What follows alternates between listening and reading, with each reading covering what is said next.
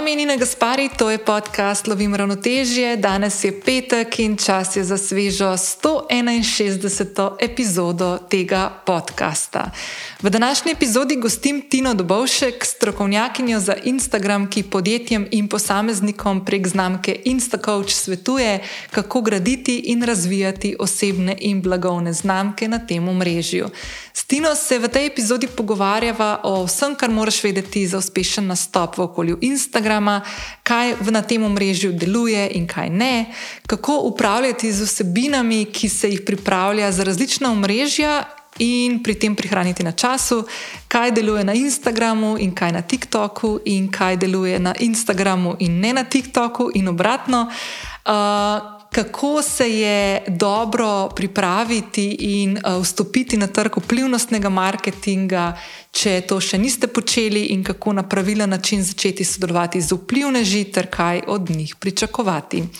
Tina je že bila gostja v 67. epizodi tega podcasta, v kateri so takrat govorili o dobrih praksah nastopa in upravljanja Instagram kanala, pa tudi o tem, ali hashtagi delujejo, kako preverjamo verodostojnost vplivnežem in še marsikaj.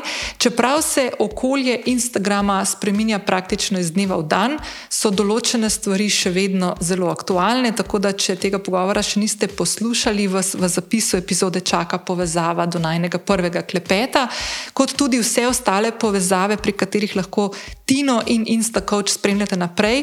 Tina je nekajkrat omenila v pogovoru tudi uh, vsebine, ki jih pripravlja na spletni strani, tudi blog zapise in tako naprej. In je res uh, taka zakladnica znanja za vse tiste, ki vas Instagram okolje zanima malo več in malo bolj.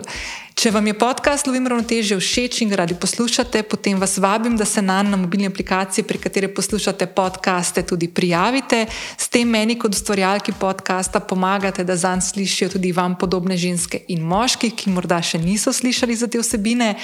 In meni, da lahko povabim na podcast zanimive sogovornice in sogovornike, kot je tudi današnja gosta, gostja. In um, mi je v veselje povabiti zanimive ljudi, da jih tudi vi spoznate in se od njih kaj novega naučite.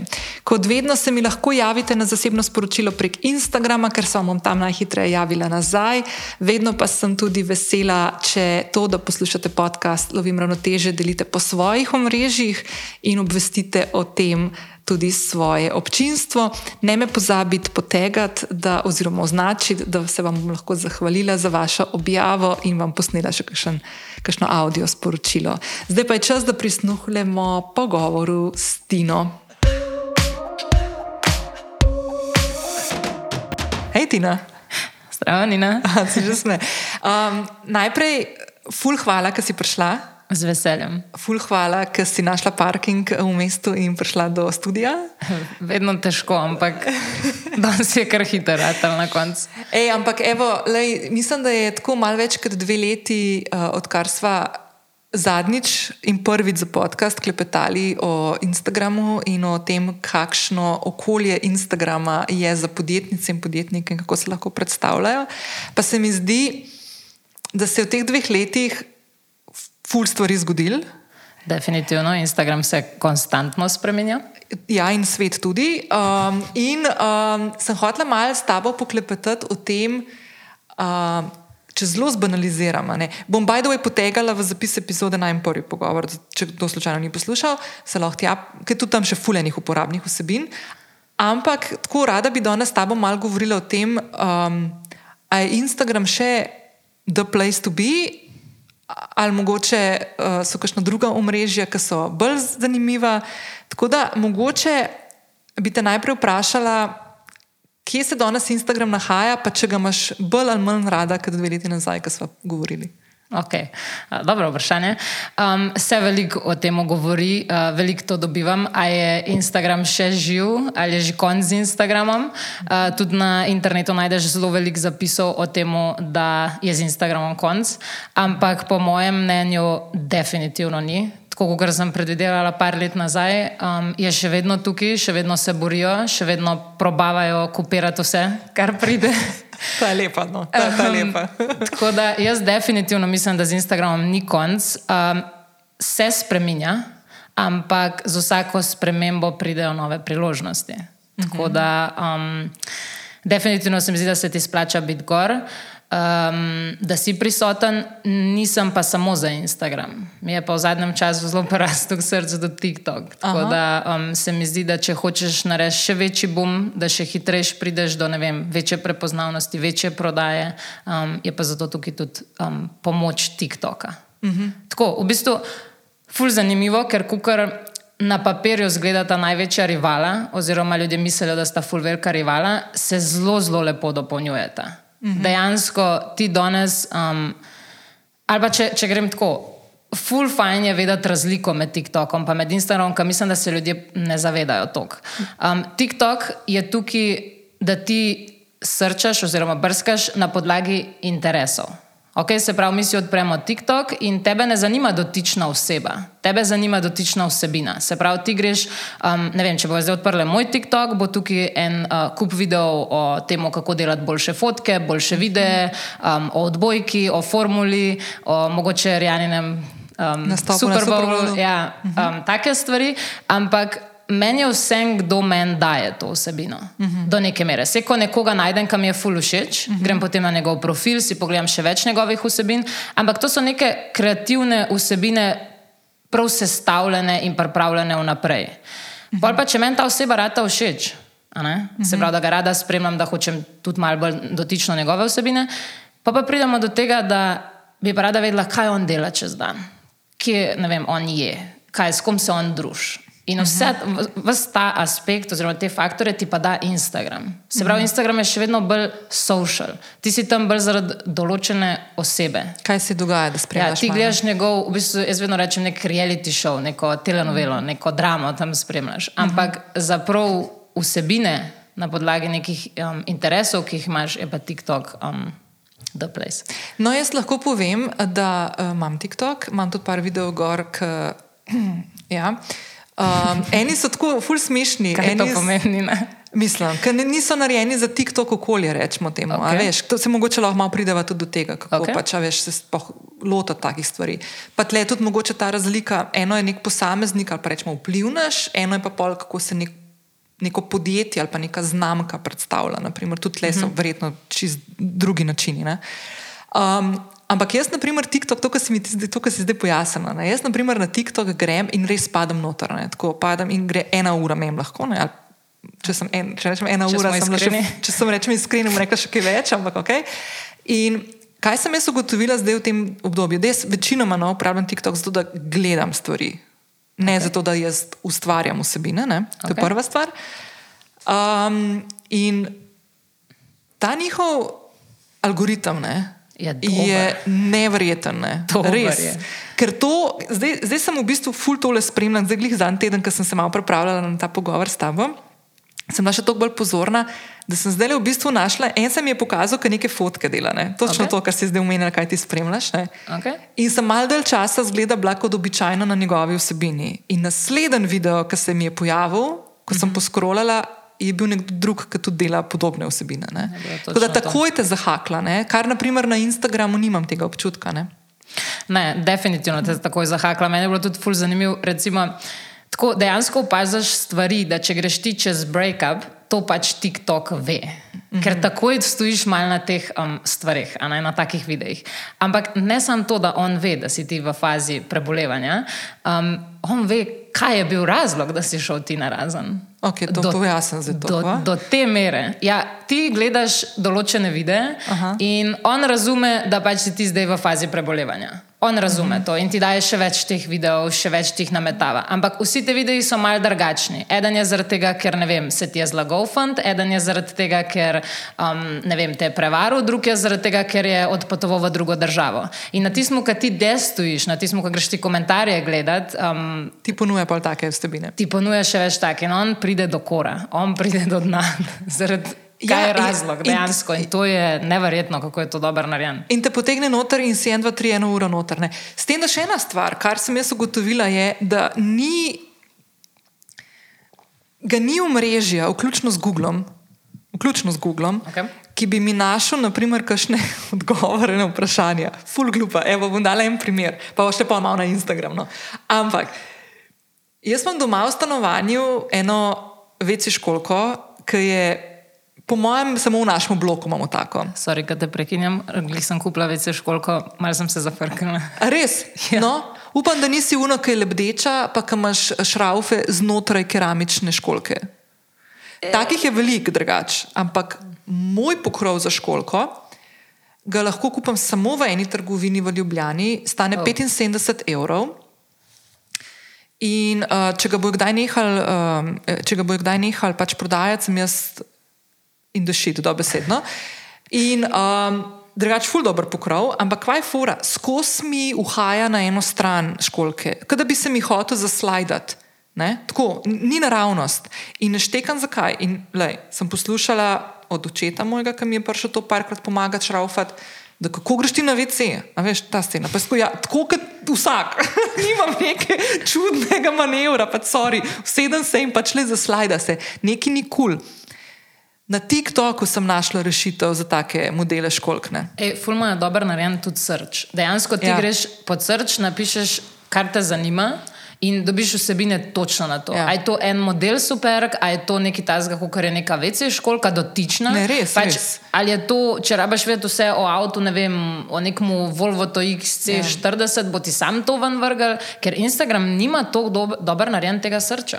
Ne, nima. In mislim, tudi, by the way, Google pa na YouTubu tega nisem našla. Ja, to je je tako spet, oziroma da bi mi rešili res moj, mojo Ja. težavo tega, da pač školka mi gre, oziroma Ja. pokrov školke mi gre v eno smer. Ja, veliko stvari se tudi naučiš na, na TikToku. Ja. Ne, tako f- f- ful mi je bilo zanimivo to. No. Mm. Zdaj pa eno vprašanje. Ne. Prej si omenila, če se postavlja naprimer, v vlogo en, ene podjetnice ali pa podjetnika, ki odpira naprimer, čisto neko blagovno znamko novo. Okej. Pustva zdaj, a je to, je to storitvena, ali izdelke ali karkoli. Okay? In razmišlja o tem, na katerih kanalih bi se predstavljala svojo znamko. Kje so tista ključna vprašanja, ki si jih je dobro postaviti v takem primeru? A veš, prej si rekla, da ne sam Instagram. Okay? A je ta mantra zakup vse, uh, na vseh kanalih si odpri kanal? Ne. A Kako, ka, ka, kje so tiste stvari, ki, bi, jih je fajn, da si odgovoriš? No? Um, jaz bi gledala tako, da greš na, recimo, da greš na toliko mreži, za kar imaš časa za njih. Nekako približen. A Ne, se pravi, Instagram je nek tak splošen. Vsak ga bo imel, če ne drugega, si greš tja na res neko, jaz temu vedno rečem, vizitko. Se pravi, da si dobro zastaviš svoj feed, porihtaš si bio, profilno sliko, uporabniško ime in to stoji na Instagramu, kot tvoja um, Spletna stran. spletna stran. a ne. Ljudje lahko danes iz Instagrama te kontaktirajo, lahko te direktno pokličejo iz Instagrama, ti napišejo mail, um, lahko kliknejo na lokacijo in jo imajo že v svojih Google Mapsih ali pa Apple Mapsih. To je sploh za tiste, ki imajo kakšne trgovine. Ne? Zelo Tako, relevantno, tako ne. za take neke bolj um, studije ali pa ja, trgovine fizične. ne. Um, ampak si narediš neko, neko vizitko, jaz temu uh -huh. rečem. ne. Um, pa pa zdaj, a boš delal na tem, pa boš ti se potem ukvarjal z objavami, sodelovanji, z influencer marketing, z, marketingom, z oglaševanjem, z nagradnimi igrami in podobnimi stvarmi. To je pol tisto, kar dela ta profil, recimo, uspešen. Uh -huh. Ampak, ajde, neko osnovo, recimo, imamo na Instagramu. Če se vidiš, da si bolj za Facebook, greš lahko na Facebook. Če se vidiš, da si uh -huh. za LinkedIn, greš tja. Če se vidiš, da ti paše ustvarjati te kreativne, um, uh, kratke videe, greš lahko na TikTok. Uh -huh. um, jaz mislim, da vsak, da je fajn, da imaš nek kor na Instagramu, zaradi tega, ker s tem izpadeš danes ležit. -huh. Se pravi, da si ur- uraden, si, ne? ker vsak te bo šel najprej pogledat, po mojem, na Instagram. Uh -huh. pa pa, kje boš pa največ objavljal, je pa čisto v bistvu, kaj, kera vrsta objav te najbolj um, uh -huh. v bistvu sede. Oziroma, slej, ko prej boš prišel do tega, da na večjih kanalih, ki si boljši, je, uh -huh. zahteva pa to od tebe tudi več resursov. Se pravi, um, moraš imeti čas, moraš imeti denar, moraš imeti še neko osebo dodatno zraven um, in podobno. Ne? Ni to več stvar, ki jo ti lahko potem sam vodiš. Zato pa tudi, ne vem, primer ene stranke, zanj mi je glih ful dobro napisala, da ve, da smo imeli del, da pride do 10k, ampak da ima že par 5k tok dela, da, Da ne ona ne 10. spolga več Instagrama. Ej, to so, je- zdaj, ko se s tabo pogovarjam, bom jaz dala en primer, pa ga bom poimenovala, zato ker se mi zdi ful, ful zanimiv in tako zelo transparenten tudi. Mojca Žuve, ki ima Your Soul Time, ne poznaš, top, bo šla lahko pogledati, pa me zanima, enkrat v priliki, ki mi povedala, kaj se ti zdi. Okay. Ona je um, 22, decembra 2020, sprav, okay. v najhujšem lockdownu, odprla spletno stran, na kateri prodaja kadila za stanovanje. Okay. Okay? To so bili Palo Santo, Žajbol uh -huh. in tako naprej. Fulkrat sem imela že na podkastu, tako da bom polinkala. Okay. Pol je pa točno na prvo obletnico spletne trgovine objavila, da bo odprla fizično trgovino v Ljubljani. To je bilo decembra 2021. In ona večino prodaje, ki jo dela, zdaj pustimo, fizična trgovina, spletna trgovina, sta nekje 50-50. In to -huh. ona tudi zelo -huh. transparentno tudi razkriva. Če kdo, snem, če, kdo, če kdo spremlja na Twitterju, lahko pogleda tudi, koliko je imela prometa lansko leto v primerjavi z letom prej. Tako, zelo je transparentna. Okay. Ampak pripisala je uspeh svojega podjetja in rasti, ki je tako, ne vem, 100 plus procentna iz enega leta v drugega, temu, da je odprla fizično trgovino temu, da uporablja ključna kanala, to sta Instagram in TikTok, in v bistvu sta za njeno prodajo tam nekje 50-50. Uh -huh, in še ena fulj zanimiva stvar. Ne? Ona ima sledilcev na TikToku, pa na Instagramu, na obeh manj kot 10 tisoč. Ampak ima tako engagirano publiko, uh -huh. da ko ona nekaj objavi, da ima nek nov produkt, uh -huh. je praktično v parih minutah razprodan. To je tako Super. Unbelievable. Mm. Tako da, če hoče kdo malo gledati take stvari, tle, zelo transparentno lahko tudi pogleda. Mm. In meni se zdi to totalno genialno, kar, kar počne. Ne? Pa se drugače to ni nič novega. Se, se že skozi ponavljamo, da danes med 10k. Recimo, ja. 10 tisoč sledilcev, pa da, od, da nimaš skupnosti, da ti uh -huh. od tega, potem, ko ti daš nek nov produkt, recimo, ven, um, da se zanima samo, ne vem, deset ljudi, ti uh mhm. -huh. čist ne pomaga, ne številka tam zgoraj. Pač res, res, res je pomemben, da imaš ti to skupnost. Uh mhm. -huh. Se pravi, da ko ti nekaj lansiraš, da ljudje pač to pol dejansko pokupijo, ker od tega na koncu ne, um, mislim, si želiš večje prodaje. To je uh -huh. ponovadi cilj. Ej, če gremo na Instagram, od, od, od, od zadnjič, ko smo se pogovarjali na Instagramu, tudi pri nas na našem področju, ko smo v bistvu zelo okrnjeni z nekimi storitvami, ki jih Instagram ponuja, sicer. Vedno bolj. Vedno bolj. Ja, nažalost. Ja, imamo en kup enih omejitev pri tem, kaj. Tudi tud storitve, ki so nam na voljo znotraj aplikacije Instagram, naprimer Reelsi, ja. to so ti da, malce daljši videi, ki ostanejo na, na feedu, rečemo, če sem jih prav poimenovala, sem prav povedala. Ja, definicija je ponavadi, da so neke, um, to, da so neke kratke video osebine od 30-60 sekund um, uh mhm. -huh. do 90, mislim. Da, uh, Ampak ja, približen. Približen. Video no. osebine pač. Ampak, naprimer, zdaj, ko smo končno to dobili, zdaj, par mesecev, mislim, kaj let nazaj? Augusta. Augusta, no? Augusta. Uh, imamo še vedno fulejnih omejitev. Naprimer, jaz, naprimer, konkretno ne morem nobene muske gor uporabljati. Ej, to vprašanje ne? jaz dobim ful milijardo. Ja. ja, res bi se lahko pogovarjali o milijardah, ne se nekaj nas ni toliko. Ampak um, res dobim ta vprašanje prepogosto in resno se spravljam pisati članke in objavo, okay. delam na to temo že. Od septembra in vsakmu, ki mi napiše v DM, napiše, me zdaj le bo objava, in še vedno ne pridem do tega, ker je to kompleksen problem, to, da sploh ne vem, kje naj začnem razlagati. Je pa tako, uradno mi. Um, glasbe v Sloveniji na Instagramu nimamo. Ne kot music sticker, na katerega so ja. zdaj s prihodom Rilsa že ljudje malo pozabili, ne, da ja. pač se pravi, ne moramo uporabljati glasbe na, na storjih, ja. um, do tega, da zdaj nimamo glasbe na um, Rilsih, se pravi na video vsebinah.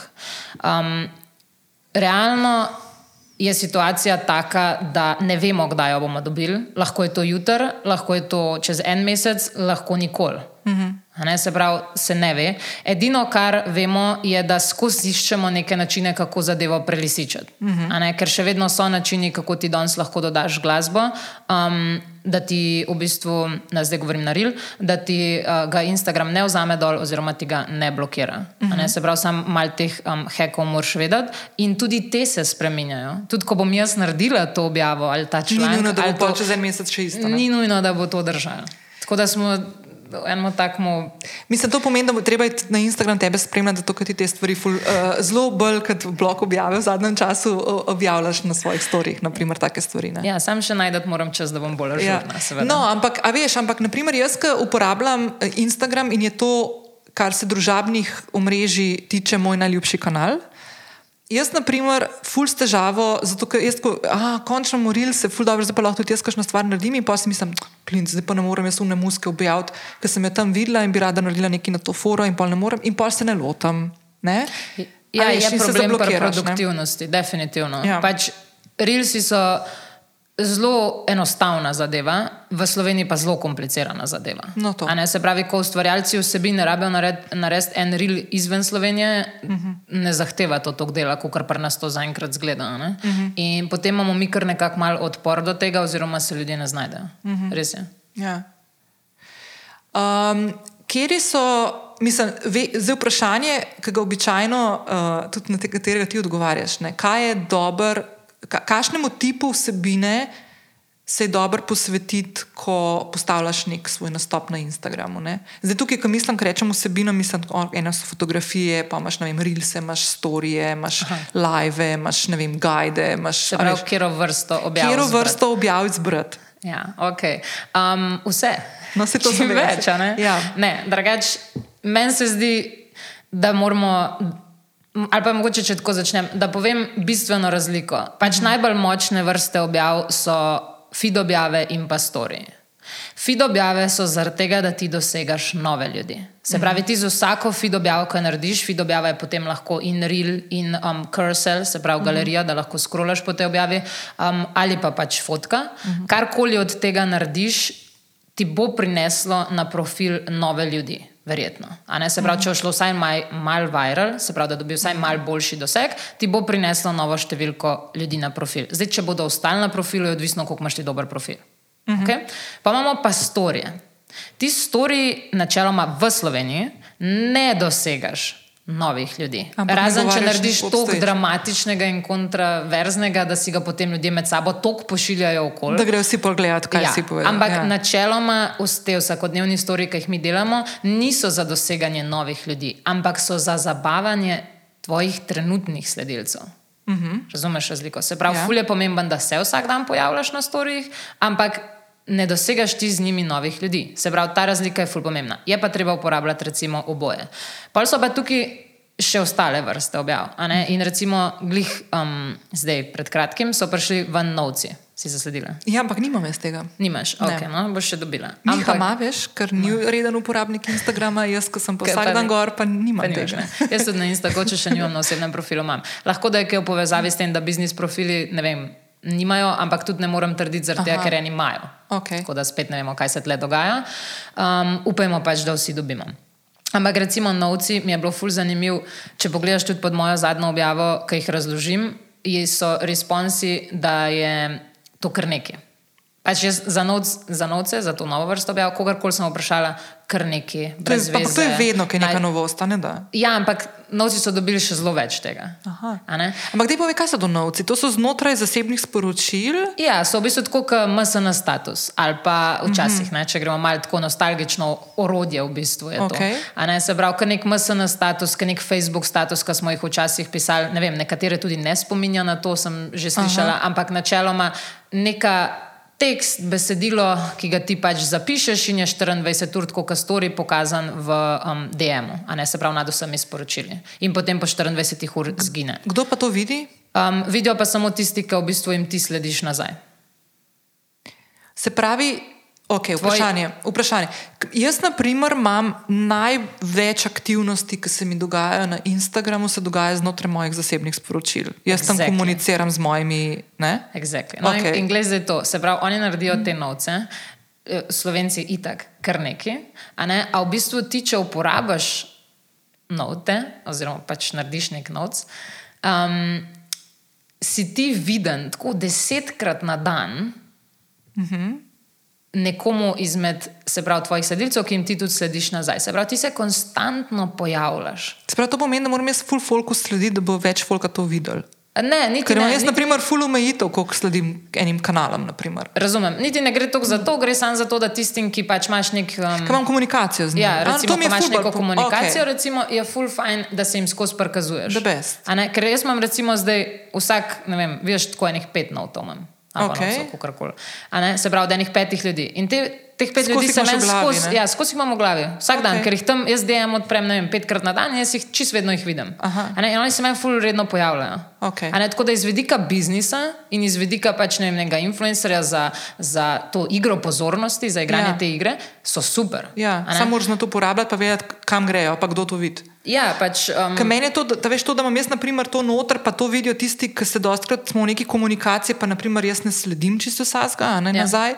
In meni super, če lahko tam spustim kakšno stvar, zato da vem, da pač to vidijo. Pač, ful je dobro, recimo.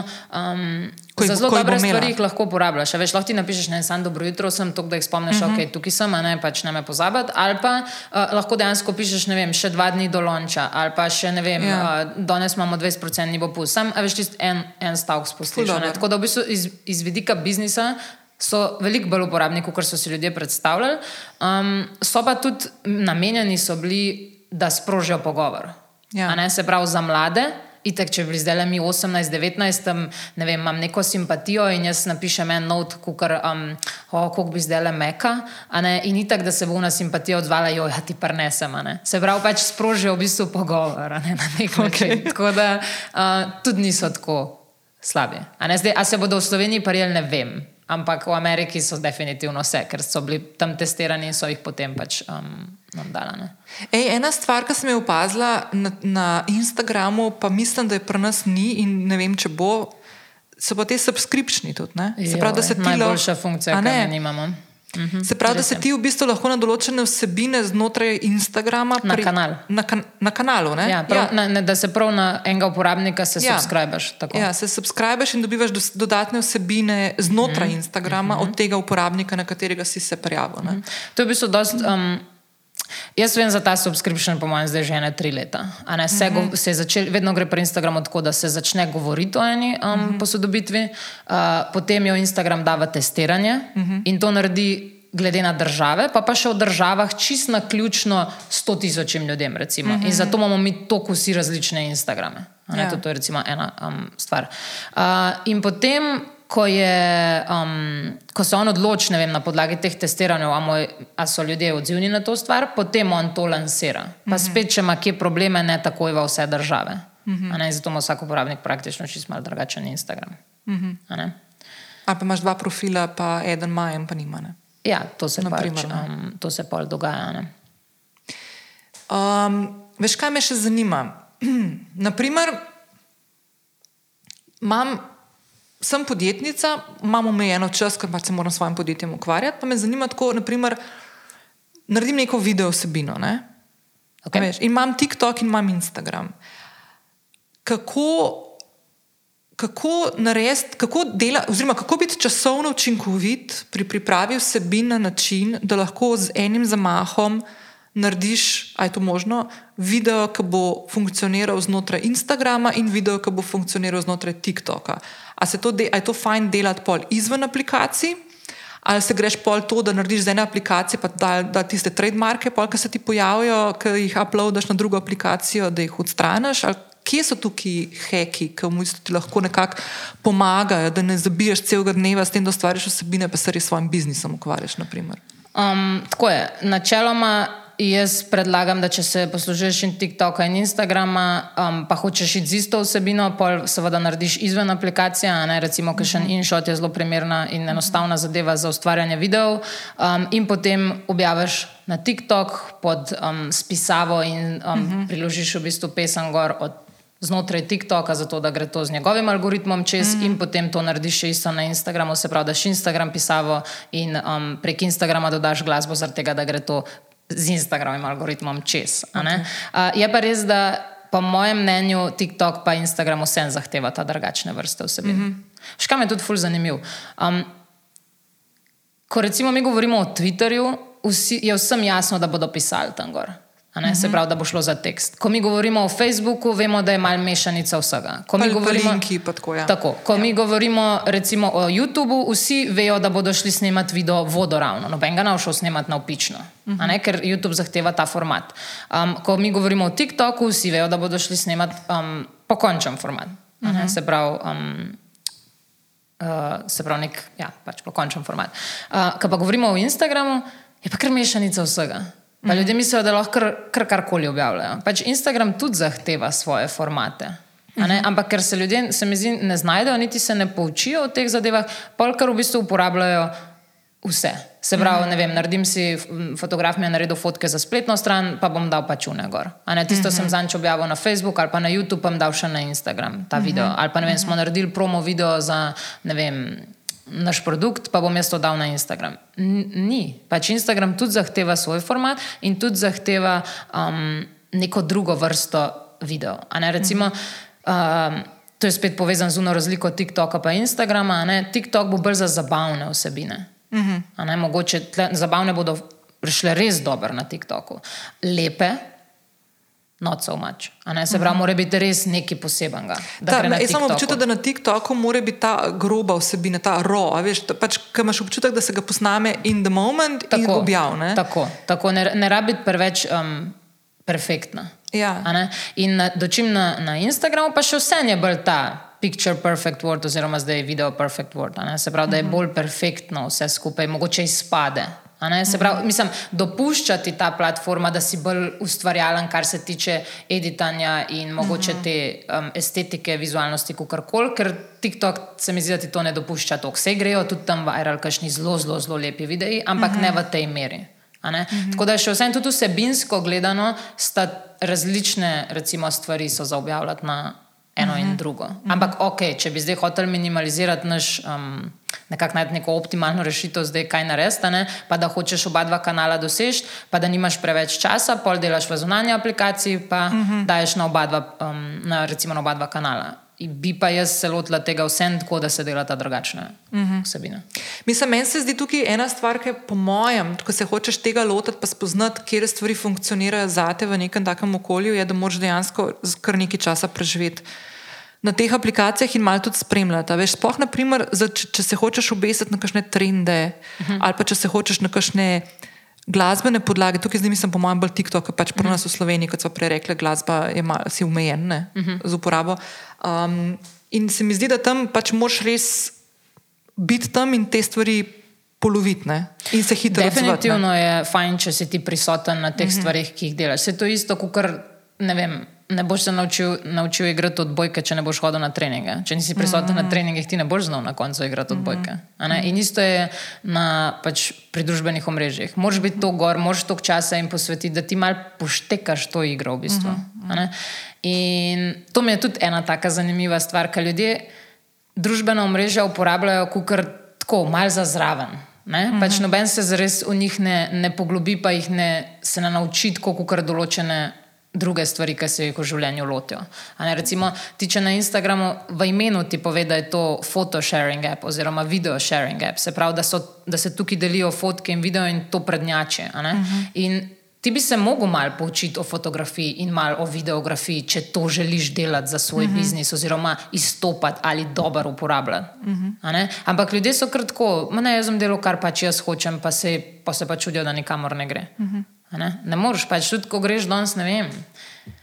Ker rabaš nekaj kupiti v trgovini, veš, da boš rabo denar. Pa če pač ne boš plačal z gotovino, pa rabaš kartico, recimo, veš, kam si jo id narediti. In greš vse te postopke čez, da ti pol na koncu prideš do hrane v trgovini. Uh -huh. Ampak na Instagramu pa ne greš čez te postopke. Pa sam prideš, odpreš si račun, pa delaš karkoli hočeš. Se pa ne izobraziš o fotografiji, ne izobraziš, izobraziš o videografiji in podobnih stvarih. Ej, ene, en trend, ki ga jaz tako opažam, ali pa mogoče le imam jaz, zato ker sem te stvari iskala, um, se mi mogoče bolj prikazuje. Čisto za mogoče nekoga, ki razmišlja, kako bi neki prevetril svojo vsebino, naprimer na Instagramu. Ali pa, ali pa jo približal na drugačen način, ali pa iskal nek, veš, nek nove poti, kako nagovoriti neko publiko s svojimi vsebinami. Kar se je pri meni izkazalo, pa spet odvisno, kakšne imaš cilje, ne, pa kaj, si, kaj hočeš doseči. Ampak meni se je, na primer, izkazalo za ful uporabno, um, so te karuseli, se pravi, imaš več, fo, več fotografij ali pa infografik ali pa nekih mm. grafičnih postavitev. Mm -hmm. To sem hotel malo izpostaviti. Veš, mm -hmm. Video pa fotke, ja, mm -hmm. ampak ful je lahko tudi velik, če imaš ti tekstovno, če imaš ti, naprimer, nek. Nek, neko vsebino, ki, ni, ki jo ne moreš dati v nek produkt, ki imaš vem, storitev, ali pa vem, jaz, ki imam naprimer, podcast, ali pa govorimo o nekih digital produktih, ki jih imam na spletni trgovini. se mi je ful izkazalo, da če delim neko vsebino, tudi ki je, forma, ki je postavljena grafično, ki naredim mm -hmm. v Canvi ali pa whatever, ne, je ful lušten odziv, ampak drugačen odziv je običajno. Ne. Um, običajno je tako, da si shranijo te, te objave. Mm -hmm. Mislim, da tako, na Instagramu so tri različni recimo, objekti objav. Mm -hmm. Eno so fotke, eno so infografike, eno so pa video vsebine. Ja. Se pravi, fotke. Fotka, infografika, um, je grafična bistvu, postavitev. Ja, pač neka, ne moram, ni fotka, ampak pač neko besedilo je gora ne, in pa ta video vsebina. Uh -huh. Zdaj, deluje vse troje. Tudi, mm -hmm. recimo, eden mit, ki se zelo redko kroži po Instagramu zadnje čase, je to, da. Um, so fotke spet bolj in, in da pač um, spet nazaj ful delujejo. Uh -huh. uh, to je bila zelo napačna razlaga, ki je uh, direktor Instagrama Adam Oseri povedal v svojem videu, da je v bistvu se na nek način opravičil, da so lansko leto s prihodom Reelsov, oziroma ko so zamenjali vse videe za Reelse, da jih je nekako preveč pušnil, se pravi, uh -huh. da so jih porinili preveč v spredje uh -huh. in da so zdaj to nekako popravili naredili neko ravnovesje, mm -hmm. se pravi, da jih ne rangirajo više same po sebi. Um, ampak to je sam faktor znotraj algoritma, v smislu, da so mm -hmm. oni to poravnali. Mm -hmm. Ampak ljudje še vsem danes raje gledajo video osebine. Mm -hmm. Se pravi, to, se je, um, to je en tak, se mi zdi, mit, ampak Jaz bi rekel, da še vse je treba objavljati pravo mero obojga. Mm -hmm. Da se navežem nazaj, tukaj so tudi infografike noter, kar še vedno zelo deluje, tudi mogoče bolj iz vidika to, kar si rekla, sejval in pa šerov. Mm -hmm. Jaz sem tudi recimo opazila, da zdaj sem šla dosta v video vsebine, za katere Slovenija še vsem se mi zdi ni tako mhm. pripravljena, mm -hmm. ker tudi vidim, da rajš so delili infografike, recimo, mm -hmm. če je bila neka uporabna informacija in marsikdo rajš to pošeril na svoj story, ker ko recimo naredim video, ne pošerajo to kradi na, na svoj story, ker mogoče pač tudi ne. Aha, pošeraš neko gor. osebo, ali ja, ker si vse drugačne. Ja, ja. Takrat je bilo pa sam, ne vem, črno na belem neka informacija in jo ful hitreje in ful lažje pošerajo. Tako da iz tega mm -hmm. vidika so recimo carouseli ful dobri. Mm -hmm. In te informativni profili, kot je recimo moj, ali pa ne vem, tudi tvoj, ali pa ne, da imaš mm -hmm. veliko teh in, infografik. Um, zelo uporabne stvari imajo, zelo velik veljo imajo, neko mm -hmm. znanje dajo od sebe. Mm -hmm. In um, ti pač te infografike danes tudi pomagajo. Ja, ja, ja. Ne, tako jaz prav gledam, zdaj v zadnjem času, ko se naprimer ukvarjam to, da raziskujem to področje mojega odnosa do denarja, naprimer, se mi zdaj fult, mm -hmm. ki se kažejo te, ki so v bistvu ilustracije, infografike, ne, tako ful lepo mm. narisane, ali pa nekakšni citati, to je ful popularen. Drugač, kar smo jih vprosti, kar smo jih pri teh citatih, um, te misli, kvoti, kakorkoli. Ja. Drugač mi je ful zanimiva stvar to, da deluje samo, kadar je cel profil iz tega.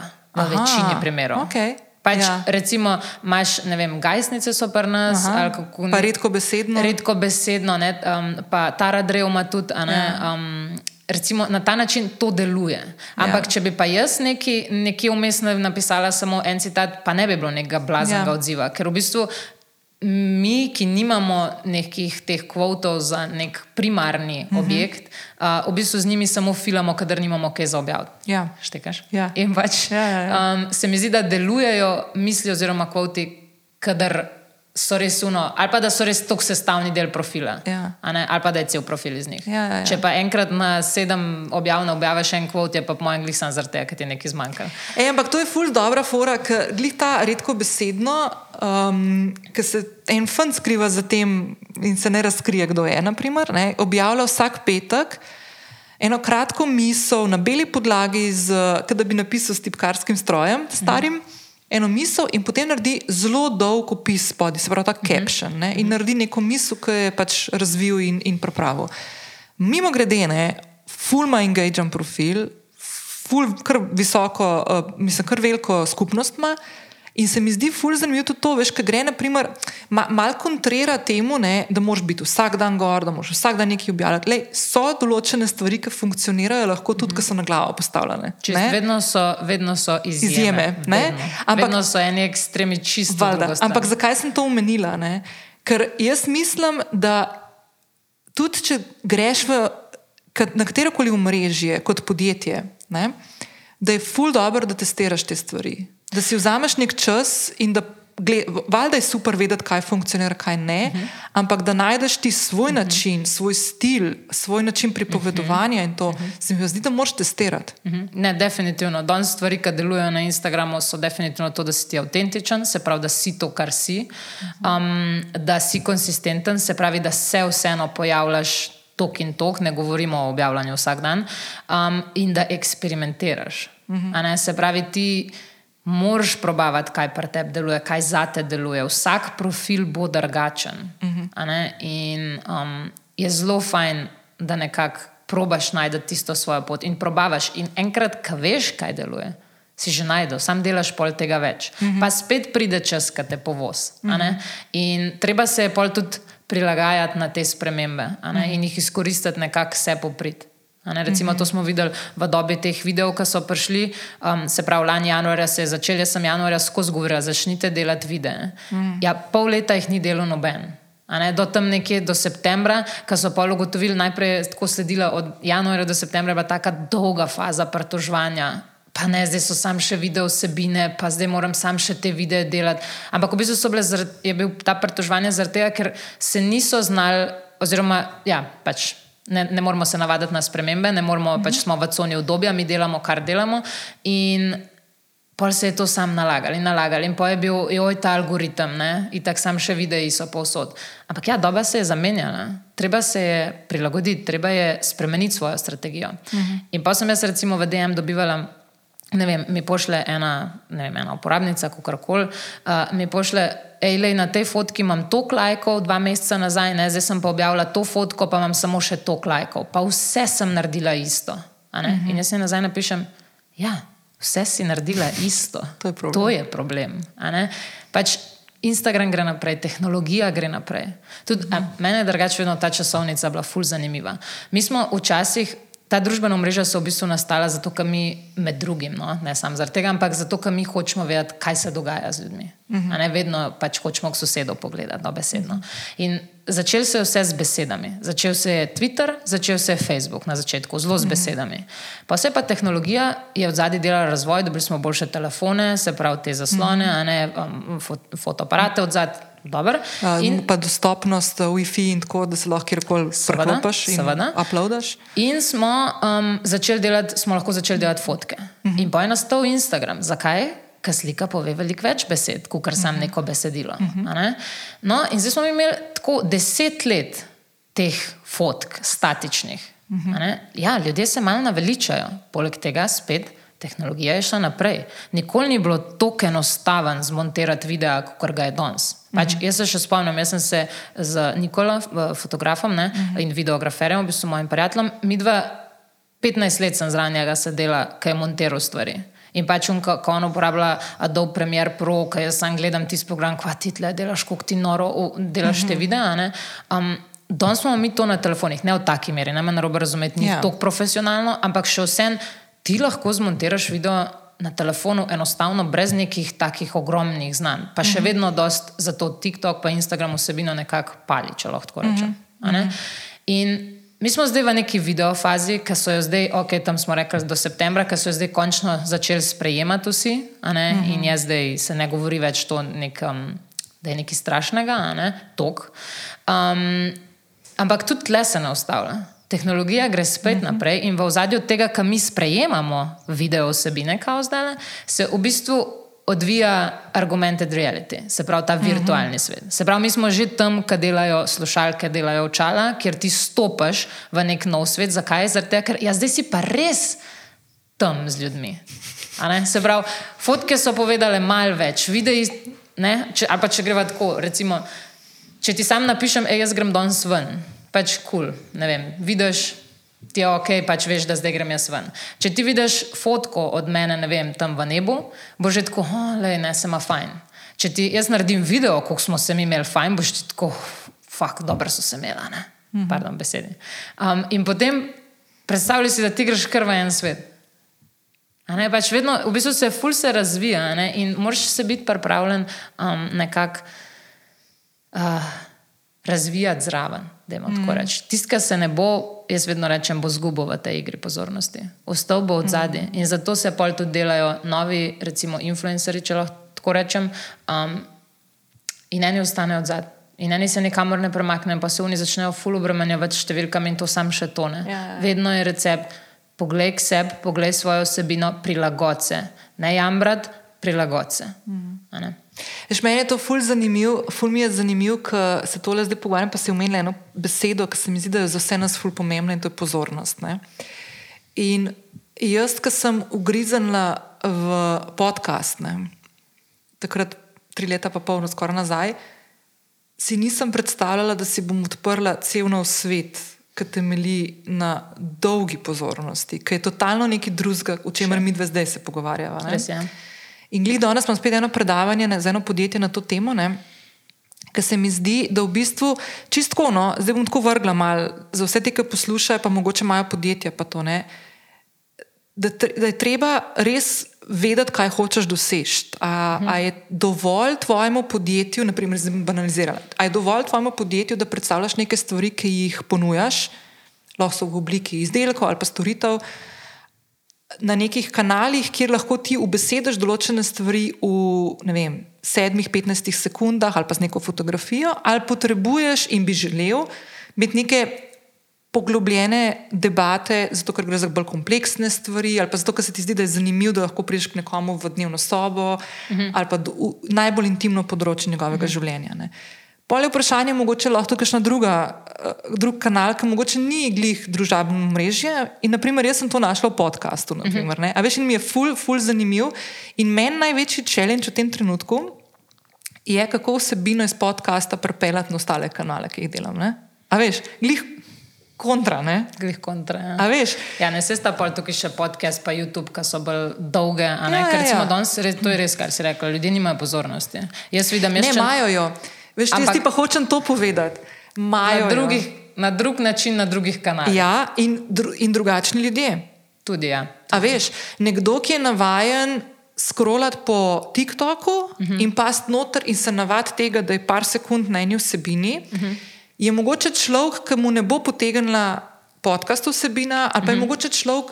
Veš, kako, veš, veš, s čim jaz običajno primerjam podcast? Jaz mislim, da je podcast, tudi v primerjavi z YouTubeom, edino omrežje, oziroma edini kanal komuniciranja, kjer ti lahko držiš enega človeka več kot pol ure. Pa YouTube. Tudi. I, če je, ja, ja od- zelo odvisno. Veš, da ti sediš, pa gledaš v en ekran, ali pa da ti lahko zraven delaš stvari. delaš veš, drugo, ne? ja. To mislim. Edina druga, edini drugi kanal, ki ti to tudi daje možnost, če ti sede, so knjige. Ker so že stokrat rekli, da bojo umrle. Ampak kaj se zgodi običajno, ko ti bereš knjigo? Knjiga je še malo bolj, moš, moš imeti res pozornost, ker ne moreš druge stvari zraven delati, ko bereš. Uh -huh. Če govorimo o knjigah, ki jih bereš, ne audio knjigah. Uh -huh. Ker pri podcastih imaš to možnost, da kuhaš zraven, greš na sprehod, greš telovaditi, Voziš. uh, voziš, whatever. Uh -huh. no, imaš neko družbo, v bistvu ti, ti daje neko možnost druženja, pa priložnostnega učenja in tako naprej. Ampak ni ga drugega kanala kot to. A veš? Ja. Ne? In je ful zanimivo. Tako da, če naprimer, imaš željo po tem, pol običajno, ne, a veš, greš lahko tudi druge stvari razvijati. No. Tako, to sem hotela zdaj. Ampak veš kaj, sem te hotela še eno stvar vprašati. Pa se že dotaknili teh mitov, pa tega, ampak mogoče bolj kot to, kaj deluje, pa kaj ne, pa zakaj mi padajo ogledi na storju, pa so padali ne vem, na res bizarno nizke številke. To ti ob, objavljaš in, in odgovarjaš, pejte slediti Tino na Instacoach, bom polinkala v zapis epizode. Bolj me zanima, kaj so zdaj trendi. Pa, ok, video, pa to, to sva, ampak tako. Kaj je tisto mogoče, kar zdaj na ful pali na Instagramu, mogoče da ti seka ven? Da bi se kavan so samo videi. Videj. Ja, zaradi tega, ker gre vse v, v, enostavno v to vsebino. Ampak to so videi, ki so, ok, reelsi, že govoriva, Mhm. uh -huh. to so zdaj videi, ki so kaj, ki so eh, ta kratki, zato da pritegneš ja. pozornost, pa pol Jaz mislim, razložiš. Da, ja, v... jaz mislim, da je tle dosti podoben, da, da, ni- da Dosti ni to podcast, da ni to YouTube, ki pač tam lahko recimo nekoga tudi bolj um, na dolgi rok, mislim, da dlje časa gleda, da ima dlje pozornost. Jaz mislim, da je isto, kot na TikToku. Tisti, ki bo gledal TikTok pa Instagram, ima zelo kratko pozornost. Zdaj, tako. Jaz sem to probala tudi pri sebi. Jaz sem januarja lani začela objavljati dolge videe. Ne, jaz sem objavljala, jaz sem, jaz, jaz sem vedno tako. Jaz ki pripravljam objavo, jaz hočem vam vse povedati. Jaz hočem vam vse dati. Jaz sem vam na dolgo in široko vse povedala. Z, zakaj? V bistvu do te mere sem na koncu ugotovila, da ljudje niti nimajo od spodaj pod mojo objavo kaj za komentirati, zato ker jaz vse povem. Uh -huh. Pač ni več vprašanja, ponavadi, ki bi ga ljudje imeli. In kaj sem ugotovila, je, da te objave, recimo, na hitro, pa to je ok, čisto moja statistika, ampak so prišle do nekje, ne vem, 6000, 5000 ogledov. Ne, če bi zdaj gledala po recimo, neko metriko, da si vzamem, da so ogledi. Pa to je dobro. Um, to ni slabo. V redu. Ja, ampak kako dolgo vidiš to govoriva? Več kot tri minute. Minuta, Aha, minuta. dve, tri minute. Okay. Okay, tis, jaz sem bila vedno tako, tistega, ki bo zanimal, tisti bo pogledal. Uh mhm. -huh. Pa sem pa jaz pač tam septembra, vmes malo tudi nisem um, uspela toliko vsebine nalagati, pa sem prišla septembra nazaj, jaz sem še vedno vse spremljala, jaz sem še vedno vedela vse, kaj treba delati, ampak sem se šele septembra lotila. In jaz septembra začnem delati krajše videe. -hmm. In zdaj imajo večinoma vsi oglede čez 10 ur. Mm -hmm. Zakaj? Tega, ker pač ljudje se bi radi vedeli stvari v Instagramu, samo nobeno se zares ne da poslušati. Mm -hmm. Ni to neka drama v Sloveniji, to je pač neka uporabna um, informacija. Mm -hmm. In bi jih radi vedeli, ampak v zelo, zelo kratkem času. In jaz sem ugotovila, da. Ko bom na široko in dolgo razlagala, kaj so novci, manj ljudi bo pogledalo to objavo. Če pa sam rečem, hej, prišli so novci, bo pa to najbolj gledana objava. Mm -hmm. Kar je v bistvu zanimivo, ja, žalostno, mogoče. Ampak ja, pač ljudje rabijo na hitro vedeti sam ključno informacijo. Veš, kaj je naslednja stvar, ki sem te hotela še reči? Um, ok, to sem te hotela vprašati. Ta obremenjenost tudi s tem, da se pozicioniraš, pa da si resen profil, če si verificiran. Ne? Okay. To zdaj veš, kaj prihaja. Ja, se zato te bom to vprašala. Okay.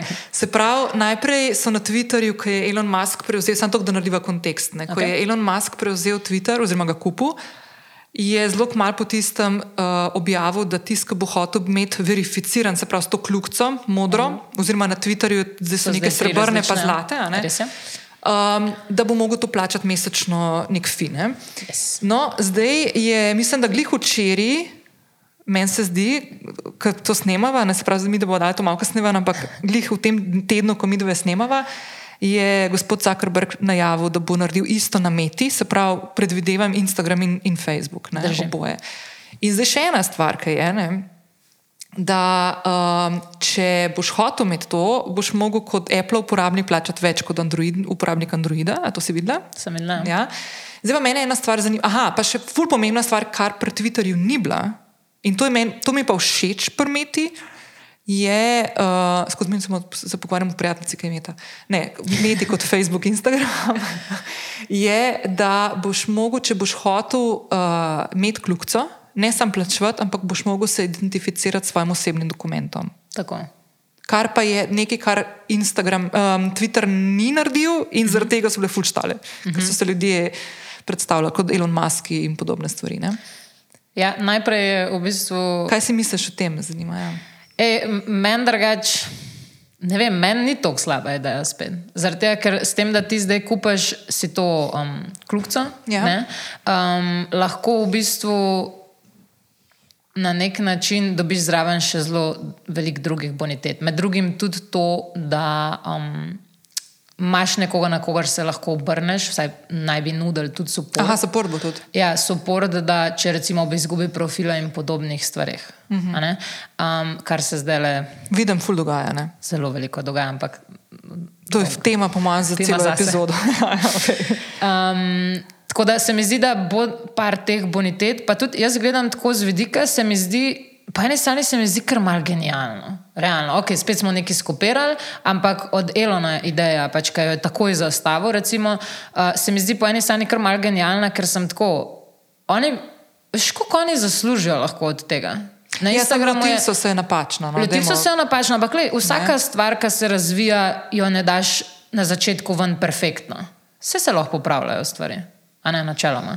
In meni se zdi tako, dve milijardi uporabnikov Instagrama, če jih 100 milijonov plačuje 14 evrov na mesec, od 11 do 14, no tam nekje uh -huh. se gibljajo cene, kako koli zdaj uh mhm. -huh. delamo ta odstopanja, ki je. Um, to je en kup enega denarja. Okay, pač, a, to je za firmo, ne? Ja. Načeloma, tudi zanimivo mi je bilo to, da sem prebrala podatek, jaz ne vem, koliko je zdaj um, res to pravi podatek, ampak sem prebrala, da naj bi bilo to zaenkrat samo za kreator profile, niti ne za biznis profile. Aha, Ful zanimiv podatek. ok. Ne vem, ne bom trdila, da je to res. Ja, ja, ja. Ampak uh, to bi bilo tudi, da, da za začetek bo on omogočil to samo osebam. Mm. -hmm. Tistim, ki niso mogli kljukce dobiti. Evo, pa lahko plačaš. Ne, Ja, veš, je lahko mene? plačaš znanje, ne. Jaz sem bila skeptična do tega, pa ne zato, ker je plačljivo, to. Ne, ampak zato, ker sem videla, kaj se je na Twitterju zgodilo. Ker se mi zdi, da narediš še večji mes iz stvari, ki so bile že tako mes. Zdaj, ker so dal pa to, da se z dokumentom identificira, kaj pomeni, da bo za fizične osebe. Ne?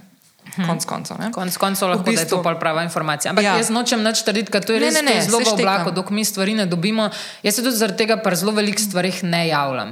A veš, Mhm. tudi, recimo, tudi nočem naših slovenskih uporabnikov. Um, Nasičiti z nekimi stvarmi, ki niso relevantne za nas. Ja, pa tudi, Ja. ne vem, in predčasno govoriti o posodobitvah, ki jih mi še dve leti namo videli. In pri meni na profilu vseeno mogoče ne najdeš vsega, ker jaz vem za Instagram, kaj se dogaja v tujini v nulo, ampak kaj vam ne jaz to razlagam, če, če nič od tega pri nas ni, niti Bog ve, kdaj bo. Jaz znam pol ven takrat, kaj je. Vse Ja. kdaj rečem, naredim ta.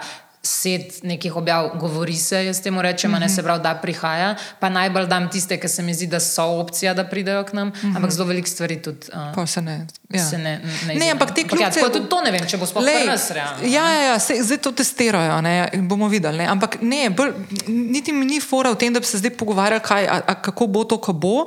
Bolj mi je v bistvu ena stvar, ki mi je všeč, mogoče ravno zaradi tega, kar vse se dogaja na družabnih omrežjih. Mogoče. Vsaj jaz, kot uporabnica uh -huh. Instagrama, tega ne čutim toliko na Instagramu, ali pa imam mogoče to srečo, bom potrkala, da imam res krasne ljudi, ki se upletajo v moje vsebine na Instagramu. Uh -huh. Da jaz nekega tega napadanja, žaljenja, nespodobnega komuniciranja v bistvu ne opazim, presep na uh -huh. Instagramu, kot vidim naprimer, na kakšnih drugih profilih. Uh -huh. Vidim pa, da se določenim ljudem to dogaja, uh -huh. In, ali pa firmam. Ne? In zdaj ena stvar, ki tukaj se mi zdi prevzemanje neke odgovornosti, da se mm, očisti družabna omrežja, tudi s tem, da do, mogoče neka podjetja, ki so se do zdaj mal na stran držala, kot nočemo, mi biti tisti, nočemo biti tisti, mi nismo mediji, ampak smo omrežja, mi nočemo editirati stvari, ampak hočemo imeti sam platformo, prek katere ljudje objavljajo. Uh -huh. In so se v bistvu malo umaknili svoje odgovornosti od tega ven, ne, od tega celotnega sranja, ki se dogaja. In se mi zdi to, da se ti identificiraš s svojim dokumentom, niti ni tako neumna stvar. Tle meni se zdi kar primerno. Se ti pravi, meni men se to ne zdi tako šloh. Meni tudi ne. Zadeva. Tako da eh, se veselim, kaj bo vse to za sabo um, prinesli in potegnili. Sigurno bodo prednosti, sigurno bodo slabosti, Ja. ampak um, bo zanimivo gledati. No? Pa tudi, Ja. bomo sploh dobili v Sloveniji, uh -huh. ker marsikatero stvar ne, pa kdaj bomo dobili v Sloveniji. Uh -huh. Ampak uh, bo zanimivo za spremljati. No? Ok, veš kaj bi še eno stvar. Dve leti nazaj smo tudi se o tem pogovarjali. ne? Mm, vplivnostni marketing. Ne? Še vedno je ena najbolj efektivnih stvari. Ja, um, zdaj to govorimo o tem, ko naprimer, se neko podjetje ali pa posameznik odloči in želi povabiti določene vplivneže na nekem kanalu, rečemo zdaj na Instagramu, da mu neko vsebino spromovirajo v navednicah prek svojih kanalov do njihovih občinstv, do katerih običajno jaz, na primer, nimam dostopa ne? ali pa jih ne nagovarjam. Ne? A sem prav to besedila? Okay. Zdaj, um, jaz mislim, da se je to, pa tudi jaz lahko tukaj rečem tako čist, kot jaz konzumiram vsebine in kot jih ustvarjam, konec koncev, tudi v sodelovanju s podjetji. Naprimer, se mi zdi, da to vprašanje, ali to funkcionira ali ne, da je že daleč nazaj bilo odgovorjeno, da to je eden od zelo učinkovitih načinov uh -huh. komuniciranja, marketinga in tako naprej. Če še nisi delal z nobenim vplivnežem, ne? Okay. Kje so tiste stvari, top tri stvari, ki se zavprašati, ko zbiraš s kom, koga nagovoriti ali pa koga povabiti k sodelovanju? Kaj ti misliš, da so tiste stvari? Da gremo mogoče iz tega zornega kota. Um, jaz mislim, da ko iščeš neke nove influencerje, da prva naloga ti je sigurno, da jih čim več probaš pofollowati pa pospremljati. Da tudi malo vidiš, kako oni delujejo, kako so ti tako kot ljudje všeč. Seveda ne kompliciraš preveč, ampak jih greš malo približen pogled, da veš. Mm -hmm. In spremljaš malo to situacijo. En faktor mi je to spremljanje, določen mm -hmm. čas. Uh, drug faktor ta najbolj pomemben, se mi pa zdi, da ko spremljaš, da danes pa vse te ukinitvi lajkov, da si ti lahko vse pač izklopiš, uh -huh. je v bistvu najlažji golfat ever. Uh -huh. Se pravi, influencer danes bi ti lahko kupiš 10 ur followerjev in si vse izklopiš, in ljudje pač ti plačujejo za karkoli. Se pravi, -huh. za kakršno koli sodelovanje, ker ne vidijo, da, v bistvu ti, da imaš ti tako slab engagement. Um, edini pokazatelj, ki še je, je tukaj ostal, so ogledi video. -hmm. Razumeš? Tako da se mi zdi, da se full fine pri influencerjih, pa ko enkrat najdeš recimo tiste potencijalne, ki bi ti z njimi sodeloval na podlagi tega, kar ti je bilo všeč, kar si videl pri njih, da greš pogledat njihove oglede video. Mm -hmm. um, ker tisti se mi zdi, da ti danes še dajo nekako malo bolj realno številko, kje se določeni posamezniki res gibajo. A to se še ne more kupiti. ne, zezam, zezam. Ja. Deluje v ozadju Instagrama, cel črni marketing, ja, ja, se ja. kupijo stvari, Vse, ampak da jim rečeš, da ne, tega ne okay. delajo. Predpostavljamo, ja, da tega ne ja, delajo. Ja, ja. Mislim, da to je eh, šus v koleno, samo sebi, če se to počne. Pač je, drugač, drugač priznam, je doba, v kateri je najlažje biti fake. Aha. V, do, v, v dobi, ki smo prej rekli, avtentičnosti. Ja, drugače res. Ampak um, ja. Ja, je najlažje vse pokupiti. Mm -hmm. Pa se izdaja pač za nekaj, ja. kar um, nisi. Ker še vedno se mi zdi, da recimo podjetja preveč gledajo številko followerjev. Ja, ja, ja. Pa ne toliko. Ja. Drugač pa v Sloveniji niti ni tak problem, se mi zdi, dobiti neke influencerje, ker tudi dost se govori okoli. A veš, mi imamo tudi ta faktor. V tujini, ki ti zbiraš influencerje, si res čist brez ideje. Tle v Sloveniji pa zelo hitro slišiš, kdo je dober, kdo je drvo, ja, ja, kdo je ja. to. Sicer še vedno spodbujam, da probaš na sebi, ja, ja, ampak um, dobiš neko sliko, Ej, da če kdo res ne bi bil, da se zelo hitro zaključi. To je, to, veš kaj, to, to je, jaz sem imela en primer, zanimiv, zato sem te prej to vprašala, kar se tiče hmm. tega uh, prelaganja, v navednicah, prelaganja odgovornosti za prodajanje na influencerje. Jaz sem imela en primer pred leti, enega priznam, ne, ampak okay. mi je ful bil dober. Um, kako je bila najeta ena vplivnica, slovenska, ki meni full fine, okay. samo okay. to, da tako razčistimo. Okay. um, ki je za eno podjetje genialno se prodajal. Se je prodajal en izdelek, vsakič, ki je objavljen, predvsem na svojih storjih, pa z linki. Pa okay. In na podlagi tega, kar so slišali, kako uspešno prodajajo podjetje B, kako uspešno prodaja ta izdelek skupaj uh -huh. z mhm. njo, se je podjetje A odločilo z njo sodelovati, z enim drugim izdelkom, ki se pol ni prodajal. Pa ni prodala nič tam. Skoraj nič. Uh mhm. -huh. A veš, tle je tudi ta stvar, ne, da če nekdo je dober v določenih stvareh, rečemo zdaj, tle, da ima poenostavljati v prodaji, ne pomeni, da bo za vsako stvar. Sigurno. Ne pomeni, da bo Sigurno. publika v tistem momentu dovzetna njegova za tako zadevo. Veš, tle je toliko faktorjev. Se spet se navezujeva nazaj. Tukaj je dejavnikov, tukaj je enih faktorjev ja, različnih. Da... Ja. In tle je fajn, da greš res v neko partnerstvo, ki ni vezano na, na neko tako. Če ti najdeš nekoga, ki res se zašpilaš, pa ki je strokoven, ki uh mhm. -huh. ti odgovarja, uh -huh. ki se. Po, a veš. Uh mhm. -huh ker roke upošteva, whatever, ali pa nisem konc konca se polink, posinkaš, da je pet na neko sodelovanje dolgoročnejše. Jaz mislim, to, da je tle ful tudi v kompatibilnosti. Ja, ja, si ja. kompatibilen z nekom. Res. In da, da sploh se ne ukvarjaš toliko, da prepustiš nekako se temu, ker jaz vidim ne vem, recimo tudi na primeru Nikola, ne, če še mhm. enkrat se vrnem k njemu. Um, on je moj prijatelj 15 let. In jaz, ki sem jaz začela z Instakočem, ker je on mene poslušal vsak dan v tej ideji, da bom jaz to, ker to sploh še ni bilo realno. Um, pa sem ga prepričala, pa da je z mano nared prisete. Pa on je imel svoj del, on je bil fotograf, takrat pač imel zelo veliko svojega dela pa mu ne bi bilo treba. Mm -hmm. Pa je rekel, jaz, jaz takrat nisem bila noč, jaz takrat sem imela vem, 400 followerjev, pa ne da zdaj, ker sem daleč od tega, ampak pač sem imela tako majhno število followerjev, noben me ni poznal. Pa je Nikola rekel, ok, le bom šel v to sodelovanje s tabo, pa smo pač naredili tiste najne prve prisete. Danes, on še do danes Pač jaz sem v redu, ga mogoče po številkah prerasla, ampak še do danes on ima del zaradi tega, s kom smo mi takrat sodelovali, mm -hmm. pa da se pojavlja konstantno, da v bistvu v tem podkastu še vedno govorimo o njemu ne, na, ja, na ta ja, ja način. Ja, ja. Veš, in to je neko sodelovanje, ki je prišlo čist brez obveznosti, mm -hmm. čist brez nekega denarja vključenega, brez metrik, brez nekih teh faktorjev. To je bilo čist, to je samo pač prijateljstva. Mm -hmm. Veš, že toliko let prijatelja in en in drug ima veliko od tega. Uh mhm. -huh. In taka sodelovanja, ne, jaz bi lahko zdaj to nazaj pogledala kot neko poslovno sodelovanje, ampak taka sodelovanja so najboljša, uh mhm. -huh. če tako pogledam. Ja, ja. ja.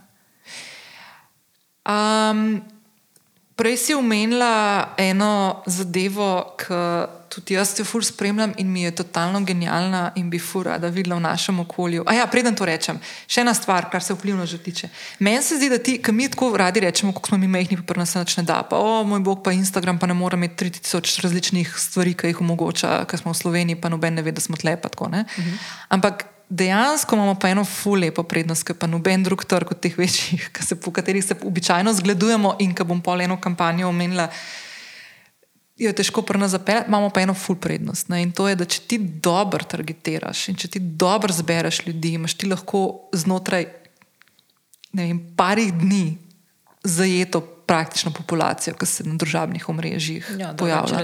Sam so resursi so potrebni za to. Tudi. Ja, ampak hit, veliko hitreje lahko priješ ja, do tega, ja. kot naprimer na nekem trgu. Slovenija je zelo hiter, če se dobro lotiš stvari. Exactly. Poznan, prepoznavnost je zelo hitra. Nasičeš lahko zelo hiter, pa, pa, pa uh -huh. te mhm. vidijo na različnih koncih in uh mhm. -huh. večkrat in, in te zaznajo. Ja. Tako da tle se mi zdi, naprimer, da, ne vedno, ja, da ne bomo vedno sami bogi, bogi, mi, ki nismo. Ne. Ne, drugač, mislim, da je veliko priložnosti tudi za nas na slovenskem trgu in tudi ja. ljudje zelo, zelo dobro služijo. Zdaj mm -hmm. ne mhm. bomo šli po ja. imenovanjih, ampak govorimo pač o milijonih, samo iz Instagrama. Ja, ja, ja. ja. Tako da. Ja. Ne, ne, gre, gre. velike številke. Ful, ful, ful.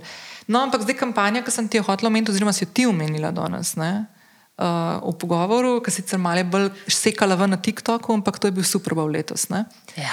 In Rijanin nastop, ja, genijalen nastop. Ne? Jaz tukaj ne morem uh, nič komentirati, ker sem preveč subjektivna, ker ja. um, je kot pev, kar sem. Ampak je bilo dobro, no? mislim, da je tako nastopa. Pač vidim, kaj se govori okoli, vidim, kaj se dogaja, krožijo. Ne, okay, ja, ja, ampak ne. Stvari, ampak sam nastop in ona in scena in videti jo po tolikih letih nastopati, je bilo meni. Ne, ampak jaz govorim ta marketinški del na koncu. In product placement, ki v bistvu niti ni bil viden, da je to izdelek, ampak veš, da je to njen izdelek od uh mhm. -huh. Fentija in tako naprej. Ne. Pa tudi pol vse, kar je bilo, kar je temu sledil, cela linija zdaj, uh mhm. -huh. ki je v bistvu super bowl linija in, uh mhm. -huh. in uh, mislim, to je bilo res. Ej, zelo dobro je opozorila na sebe no? in na, na spet, da je naredila reklamo vsem svojim produktom. Zaradi tega, ker ja. še sem lahko, jaz sem videla njena, ne bom za zihar trdila, ampak če sem prav ujela, ona ima neko knjigo svojo zunaj in mislim, da, ja, okay. samo, mislim, da je sestavljena samo iz slik njega, v bistvu te življenja, kako koli. Okay. Ne bom za zihar trdila, ampak meni se zdi, da je bila ta knjiga tako nekako nekih, da so jo dobili za 30 dolarjev, mm -hmm. pač zdaj je cena poskočila tako na 120. Mm -hmm. A veš, ker pol so kar naenkrat, ker je spet naredila tak spektakel, so kar vsi spet hoteli ja, imeti ja. ful, ja, nekako bližji ne. biti in pol začnejo kupovati njene produkte, še pač knjigo, ker takrat noben ni bil zadovoljen z njo. To se spomnim, da je bilo takrat eno obdobje, ko je prihaja neki noga in vsi so mislili, da bo muska, ne, ker je pač, pač toliko časa ni več naredila. In pol pride knjiga. Ne, so bili razočarani. To se spomnim, da ne vem, kako se prodajajo sicer takrat ti produkt, ampak danes po Super Bowlu bi tudi to knjigo vzimel. Ja, ja. Sam da imaš nek stik v bistvu z njo. Ampak se pravi, tukaj govorim zelo subjektivno, ker ja, sem ne, ne, ne, je res, res je, ne, ful je zanimivo, ker konc koncev, če pogledaš, jaz, jaz sem mal na sumu, da je bila na playbacku, ne, večino nastopa, ampak ok, pustimo stati, niti ni tako važen. Ne. V bistvu mi je fascinantno, mi je, kako je cel ta cela ta ekipa okrog nje um, postavlja kampanjo znotraj 13 minut njenega nastopa in je podrla vse plačane objave v slotih, teh oglaševa, oglaševalskih slotih znotraj Super Bowla ki so prvo kot prvo monstronsko dragi, in mm. drugo kot drugo so oglasi, o katerih se še tedne kasneje govori o njih. Mm -hmm. In zdaj v bistvu se letos praktično, mislim, se je govorilo o teh oglasih, pa kdo je v njih nastopil, pa tako, ampak v bistvu jih je, je čist, čist je zasenčila.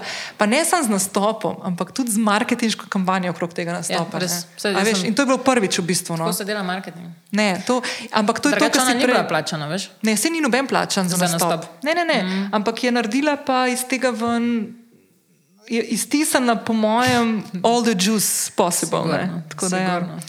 dobro, dobro vejo, kaj oni delajo. No. Ja, ja. Mislim, da je v zadju. Mislim, da je tole bila zdaj, jaz, v, v vid, se jaz, jaz, jaz se ne upam uh, reči, A, si, a, mi, a mi je to všeč, meni je to fascinantno, ne upam si reči, da to mi všeč, ker sem skozi malo v tem noter, skozi, pa skozi neko nakupovanje, pa skozi neka prodaja. In sem tako sita tega in sem, a veš, malo mi gre na žice ta potrošništvo, pa to, čeprav sem del tega, mm. nažalost, ne, ampak ja. ja. Danes ne moreš, ne. ne ja, ne ja, itak ne. Lahko se kontroliraš, ampak na koncu mm. še vse. Ja, ampak je pa, je pa definitivno fascinantno, no, to pa moram prav reči. Tako da to, kar smo ja, videli, je bilo vrhunsko. Noro, ne. Pač sem krene 15 krat pa še pogledala. pa ne milijon krat na TikToku, ko se ti pokaže. Ja, Ej, pa je bil moj TikTok, sam še, sam še to. Ne. Ja, ja, ja, od vseh unih conspiracy theories, pač vse je bilo. Vse je bilo, sam še to je bilo. Pa cel v bistvu, pol, vsi njeni plesalci, veš, so pol to videla. Ja, ja, ja, pa une oblike, oh, pa Bog. to. Pa, ja, pa ja. sem kar za ene, dva dni sem res izključila TikToka, pa bilo pa res že malo preveč. No. Ja. Ampak imaš kakšno zadnjo misel, a kakšno stvar nisva predelali? Mislim, zihar, no, ampak. Sigurno ne, ker jaz v Instagramu lahko govorim po mojem glih ene tri tedne v kup. Tako da, definitivno, ki niso predelali.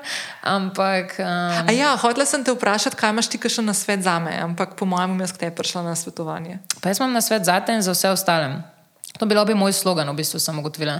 Um, nared Instagram profil, ki bi ga sama rada sledila. Okay. S tem bi jaz zaključila. Če imaš pa tam težave pri flotine. Ja, drugač pa vedno dobrodošli vsi na obisk. Fulti hvala ti.